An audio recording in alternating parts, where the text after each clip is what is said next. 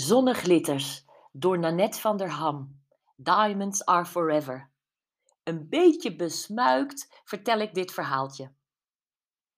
Met om mijn linker middelvinger een diamanten ring, die bij elke aanslag op mijn toetsenbord een prachtige schittering geeft. Op de een of andere manier vind ik het onderwerp diamanten niet zo passen bij het onderwerp waarover ik wil praten.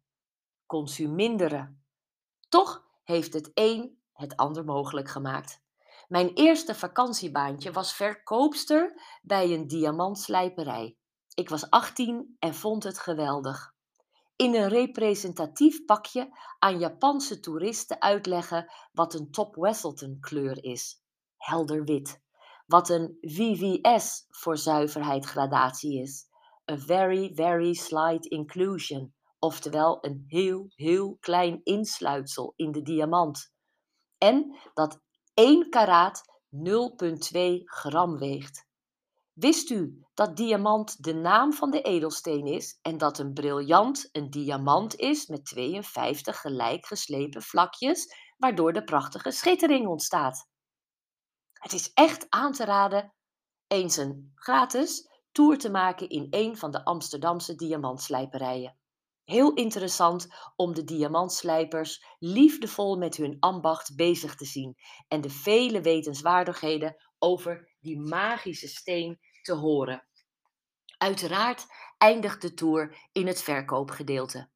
Wie van mensen en hun eigenaardigheden houdt, zal de toestanden die zich daar afspelen geamuseerd bekijken.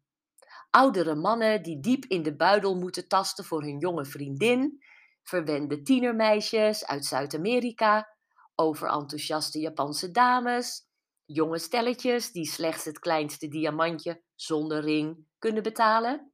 Mijn liefde voor de diamant is toen geboren en nooit overgegaan. De solitaire, ring met één briljant, die ik van mijn eerste salaris kocht, draag ik elke dag.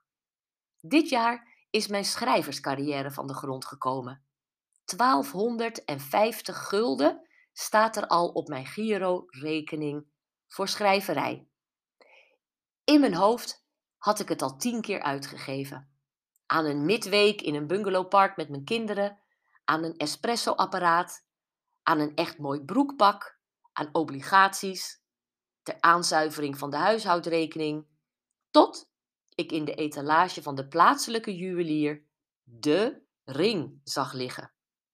Occasion, zuivere kwaliteit, voor 1950 gulden. Een mooi ontwerp met acht vierkante diamantjes in geel-gouden setting. De juwelier wist er een prachtig verhaal bij te vertellen van een oudere dame die niet meer herinnerd wilde worden aan haar ex en al haar juwelen had verpatst. Heerlijk, een sieraad met geschiedenis. De ring gleed als gegoten over mijn middelvinger en stond prachtig. Maar bijna 2000 gulden? Misschien heeft u nog wel wat sieraden die u in kunt brengen?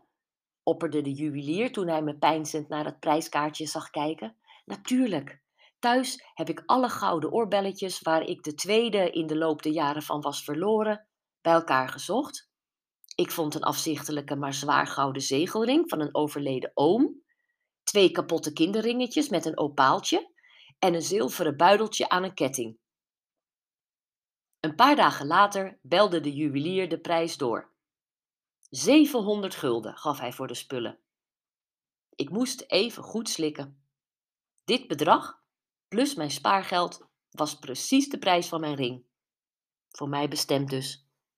En s'avonds heb ik hem gekocht. Niets liefdadigs of verantwoords, gewoon puur genieten voor mezelf. En als ik nu naar mijn vingers op het toetsenbord kijk, terwijl ik dit voorlees, zie ik twee schitterende juwelen. Mijn ring van 20 jaar geleden en mijn recente aanwinst. Als symbool van geloven in mezelf en als stimulans om op de dit jaar ingeslagen weg door te gaan.